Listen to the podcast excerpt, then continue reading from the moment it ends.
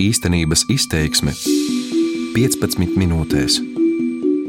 Pētnieciskās žurnālistikas centrs Rebaltika šovasar sāka faktu pārbaudas projektu Rīčeka. Tā uzdevums ir regulāri analizēt, vai politiķu un citu viedokļu līderu izteikumi atbilst patiesībai, arī pētīt maldus un mītus, kas apzināti tiek izplatīti sociālajos tīklos. Turpmāk reizi mēnesī par tiem runāsim arī raidījumā Īstenības izteiksme. Mani sauc Evita Puriņa, esmu žurnāliste un faktu pārbaudas projekta Rīčeka redaktore.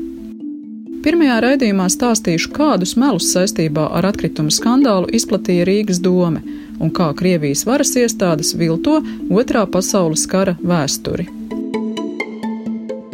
Rīgas doma jau kuro mēnesi mēģina pārliecināt rīdziniekus par labumiem, ko dos atkritumu izvešanas uzticēšana jaunajam uzņēmumam Tīrīga. Visi beidzot varēšot šķirot un drazu izvedīs jaunās modernās automašīnās. Turklāt vidējais tarifu pieaugums būšot tikai 9%. Tā vienā no domas komiteju sēdēm sacīja Rīgas domas vides pārvaldes vadītāja Evija Piņķe. Viņas pausto pārpublicēja virkne mēdīju. Tikmēr sociālajos tīklos cilvēki cits pēc cita publicēja savus rēķinus, kas rāda, pieaugums būs stipri lielāks.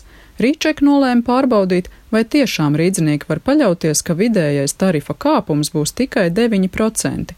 Devāmies vēlreiz pie vides pārvaldes vadītājas Piņķis patiesībā tādi precīzi dati, kurā būtu apkopots eh, visi, visi tarifi nav. Tas ir saistīts tieši ar to līdzinējo praksi, kā līdzinējo operatori varēja izvēlēties, eh, par kādu cenu viņi izved atkritumus, eh, pilnīgi brīvi, jebkuram klientam, savā starpā konkurējot, un iespējams, jā, kad arī pie viena operatora dažādiem klientiem varēja būt dažādi tarifi, bet 15-16 eiro par kubikmetru bez PVN tas ir aptuveni tas, kas eh, šobrīd ir eh, Rīgā. Izrādās vidējo tarifa pieaugumu aprēķināt ir neiespējami. Lai to izdarītu, būtu jāzina, cik rīdzinieki par atkritumu izvešanu maksā šobrīd, taču tādas informācijas domē nav. Līdz ar to solīt tikai 9% tarifa kāpumu ir nekorekti. Kā tas ir rēķināts? Piņķis stāsta, ka aptaujājas līdzšinējos pakalpojumu sniedzējus. Tiem anonīmi jautāts, par kādu tarifu viņi būtu gatavi slēgt līgumu ar jaunu klientu. Saņemtās atbildes vidēji 16 eiro par kubikmetru, salīdzinātas ar tīrīgas solītajiem 17,4 eiro par kubikmetru bez PVN. Tā iegūts 9% pieaugums. Lai gūtu priekšstatu par patiesajām cenām, Rīčēk lūdza rīdziniekus iesūtīt savas atkrituma izvešanas izmaksas. Mums atsūtītajos rēķinos redzams, ka līdzšinējais tarifs ir zemāks nekā Rīgas domas aplēses. Līdz ar to arī gaidāmais pieaugums būtiski lielāks - 18, 46, 60 un pat 66 procenti. Turklāt jāatgādina, ka Rīgas domas vienošanās ar tīrīgu neparedz, ka maksa par atkritumu izvešanu būs nemainīga visu tās darbības laiku. Tāpat mēs mēģinājām noskaidrot, cik par atkritumu izvešanu iedzīvotāji maksā Tallinā un Viļņā. Tur jau ir nodrošināta iespēja atkritumus šķirot un darbojas pēc pudeļu depozīta sistēma. Izrādās Igaunijas galvaspilsētā iedzīvotāji par vienu kubikmetru maksā nepilnus 7 eiro, tātad būtiski mazāk nekā Rīgā. Viļņā tarifu rēķina citādi, taču arī tur atkritumu izvešana iedzīvotājiem ir ievērojami lētāka. Atkritumu sāgas laikā samaloties gadījās arī jaunajam Rīgas mēram Oļegam Buravam no partijas gods kalpot Rīgai. Viesojoties LNT rīta raidījumā 900 sekundes, Burovs raidīja smagus pārmetumus konkurences padomas virzienā. Pēc līguma noslēgšanas ar tīrīgu konkurences padome ierosināja pārkāpumu lietu, un šomēnes liedza jaunajam atkritumu izvedējam slēgt līgumus ar iedzīvotājiem. Burovs sacīja: Konkurences padome neteica neko, un pēdējā brīdī mēs redzam no konkurences padomes ļoti nu, tādi skaisti emocionāli paziņojumi, tādi liriski paziņojumi, bet faktiski es gribu šeit vairāk, mazāk redzēt emocijas, vairāk juridiski jautājumi. Un man, nu, es atvainojos, vienalga rodas jautājums, kāpēc pirms tam viņi par to neinformēja, nebrīdināja, sagaidīja brīdi, kad jau viss ir, un tagad saka, un tagad saka apšaubīt. Ja? Burovam, protams, nav taisnība. Rīček ieskatījās ziņu arhīvos un secināja, ka konkurences padoma par monopola riskiem atkritumu apsaimniekošanā regulāri runā jau vismaz piecus gadus. Tā aktīvi reaģēja arī pirms divu ar pus gadiem, kad Rīgas doma izlēma sludināt konkursu par publiskās un privātās partnerības līgumu slēgšanu ar vienu atkritumu apsaimniekotāju uz 20 gadiem.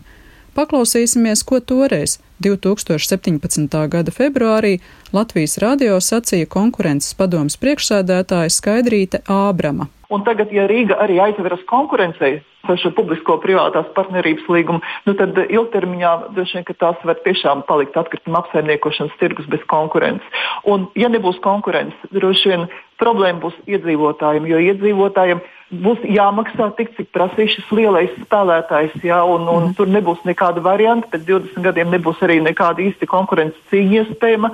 Tas tiešām pamats satraukumu, es domāju, Rīgas domē būtu jāizvērtē. Tātad konkurences padome neklusēja gan, kā saka Burovs. Tā jau sen brīdināja domu par cenu celšanās riskiem un aicināja lēmumu pārskatīt. Šomēnes analizējām arī to, kā Krievijas diplomātija falsificē vēsturi un ar ko šāda rīcība skaidrojama. Kopš 23. augusta Krievijas valsts iestāžu informācijas kanāli ir pilni ar melīgiem vēstījumiem par to, kas notika pirms 80 gadiem Otrais pasaules karš esot sācies Polijas vainas dēļ. Molotova-Ribbentropa pakts Baltijas valstīm esot nācis par labu, un Padomju Savienība to parakstījusi tikai tāpēc, lai sevi pasargātu. Šā gada 1. septembrī virkne valstu vadītāji bija Polijā, kur 1939. gadā ar nacistiskās Vācijas karaspēka veikto bombardēšanu sākās Otrais pasaules karš. Polija jau pavasarī darīja zinām, ka Krievijas valsts amatpersonas uz piemiņas pasākumiem netiks aicinātas. Iemesls - tās īstenotie starptautisko tiesību pārkāpumi Ukrainā. Krievijas sākotnējās dusmas par polijas lēmumu vēlāk pārtapa rūpīgi sagatavotā izklāstā par to, kas īstenībā toreiz esot noticis. 23 августа 1939 года мир потрясла сенсационная новость. Tie ir pirmie teikumi no prasmīgi samontēta video rullīša, ko savos sociālo tīklu kontos 23. augustā publicēja Krievijas ārlietu ministrija. Пакт Молотова-Риббентропа. Для Советского Союза это стало тяжелым и вынужденным решением. Tajā uzsvērts, ka 1939. gadā Padomju Savienība bija spiesta slēgt noslēgt līgumu ar nacistisko Vāciju. Kā zināms, Molotova-Ribbentropa pakta slepenajos protokolos PSRS ar Vāciju vienojās par ietekmi Austrumēropas valstīs, tajā skaitā Latvijā. Pakta rezultātā nacistiskā Vācija 1. septembrī iebruka Polijā no rietumiem, bet Padomju Savienība 17. septembrī no austrumiem. Dažu nedēļu laikā poļi savas valsts neatkarību zaudēja. Krievijas ārlietu dienests identisku video materiālu izplatīja arī angļu valodā.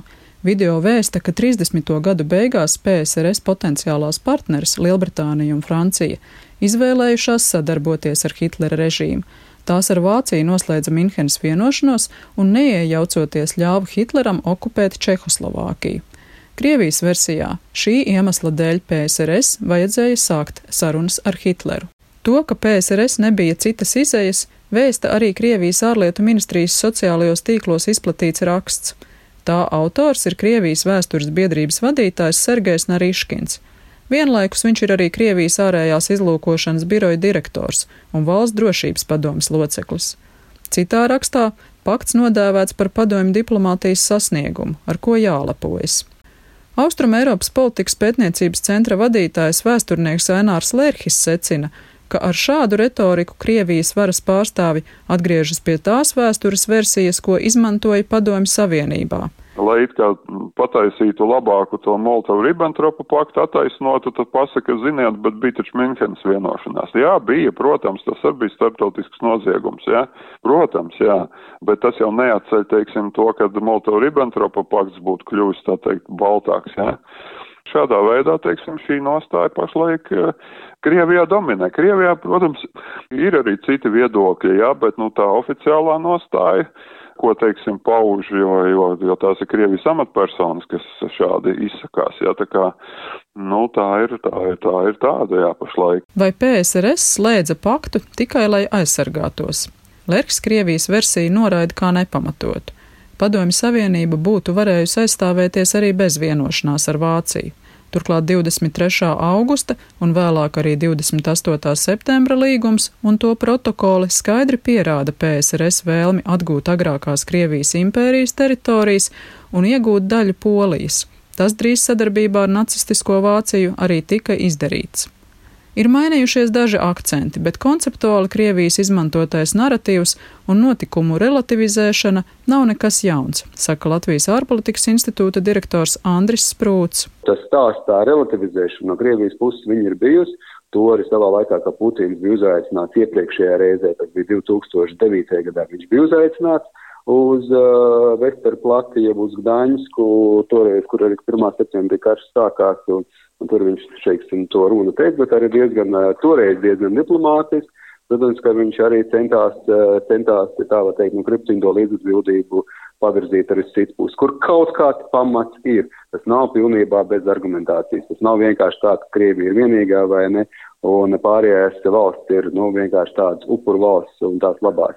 Visi mēģināja izdzīvot tajā laikā. Politologs uzsver, ka PSRS ieguldījums nacistiskās Vācijas sakāvē ir nenoliedzams taču tas neatceļ tās atbildību attiecībā uz Latviju un citām Austrum Eiropas valstīm.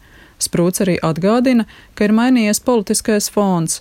Krievija ir anektējusi Krimu un Polijā ir valdība, kuras vadošās partijas likums un taisnīgums vadītājs Jaroslavs Kačīnskis vaino Krieviju sava brāļa bojājā lidmašīnas katastrofā Smoļenskā. Putins uz atceres pasākumiem vairs netiek aicināts, un Krievija savu versiju pauž uzbrukošāk. Skaidrs, ka Krievija, Krievija teiksim, tā, parādīja to pusi, kas Krievijai arī diezgan raksturīga, vai ne? Un tas, kas jau var piecās arī uz otro pasaules karu, ka tā ir, nu, pietiekoši arī agresīvām tendencēm, teiksim tā, tendēta valsts. Bet, um, nu, var, kā es teiktu, visā diplomātiskajā ofensīvā, vērst uz diplomātisku ofensīvu, pirmkārt, kā tā viņi ir saprotama jo nu, tas stāsts ir svarīgs par leģitimitāti, faktiski par Krievijas leģitimitāti, par Putina leģitimitāti, par to, ka Krievija ir atbrīvojusi Eiropu no nacistiem. Un skaidrs, ka atzīt to, ka viņi ir atbildīgi faktiski pie kara uzsākšanas, nu, tas būtu pilnīgā pretrunā visu to doktrīnu, kas ir, teiksim, tā uzbūvēta. Asu Krievijas reakciju izraisīja arī triju Baltijas valstu, Polijas un Rumānijas kopīgais paziņojums, kurā tās norāda uz staļinisma noziegumiem un aicina Eiropas valstu valdības sniegt atbalstu to izpētēji. Nekavējoties reaģēja Krievijas valsts televīzija, kuras raidījuma 60 minūtes pa karstām pēdām vadītājs Baltijas valstis pat nosauca par pakta ieguvējām. Atsaucoties uz Rijā Novaski rakstu un Krievijas kara vēsturnieka Jurija Nikiforova izklāstu, līdzīgi vēstīja arī Kremļa propagandas rupors Latvijā Sputņika. PSRS ienākšana Latvijā, piemēram, esot ļāvusi 30. gados autoritāri pārvaldītajām Baltijas valstīm demokrātiskā procesā ievēlēt jaunu parlamentu. Vairākums esot iestājies par kādreizējās Krievijas impērijas atjaunošanu un iekļaušanos PSRS sastāvā tās nevarēja uzskatīt par demokrātiskām vēlēšanām, jo tā mums notika 40. gada jūlijā ar varu un viltu un uh, ārvalsts karaspēka klātbūtnē, jā, kur, teiksim, karaspēka pārstāvji pat esot bijuši vēlēšana komisija locekļi, jā, un, nu, pilnīgi Latvija vēl tanī brīdī oficiāli nebija padomu savienības sastāvā, bet uh, 11. jūlijā jau faktiski tika veidots Baltijas kara apgabals, kurā tika iekļautas Baltijas valsts, kas toreiz formāli vēl juridiski pat vēl bija atsevišķas neatkarīgas valstis, ja tikai augusta sākumā eh, tika noformēta. Tā ka pilnīgi tas ir absurds, jā, un nav, nav, nav iespējams. Tā saka vēsturnieks Lerhis. Molotova-Ribbentropa pakta gadadienā sāktie centieni uzspiest savu taisnību turpmākajās nedēļās nerimās. Vēl pirms dažām dienām Krievijas ārlietu ministrija rakstīja, ka pateicoties paktam, nacistu terors Austrumēropas valstu teritorijā sākās divus gadus vēlāk. Tādējādi pakta rezultātā esot izglābti vairāki simti tūkstoši cilvēku. Tajā pašā laikā Krievija ne ar vārdu nepiemin, piemēram, Katiņas masu slepkavību. Tur neilgi pēc PSRS iebrukuma Polijā pēc Staļina rīkojuma tika nogalināti gandrīz 22 tūkstoši poļu. Krievija savā publiskajā komunikācijā ir aizmirsusi arī tos simtus tūkstošus Latvijas un citu valstu iedzīvotāju, kuru dzīves sagrāva deportācijas un citas padomju režīma represijas. Raidījumu īstenības izteiksme veidoja es, pētnieciskā žurnālistikas centra Rebaltika faktu pārbaudas projekta Ričeka redaktore Evita Puriņa.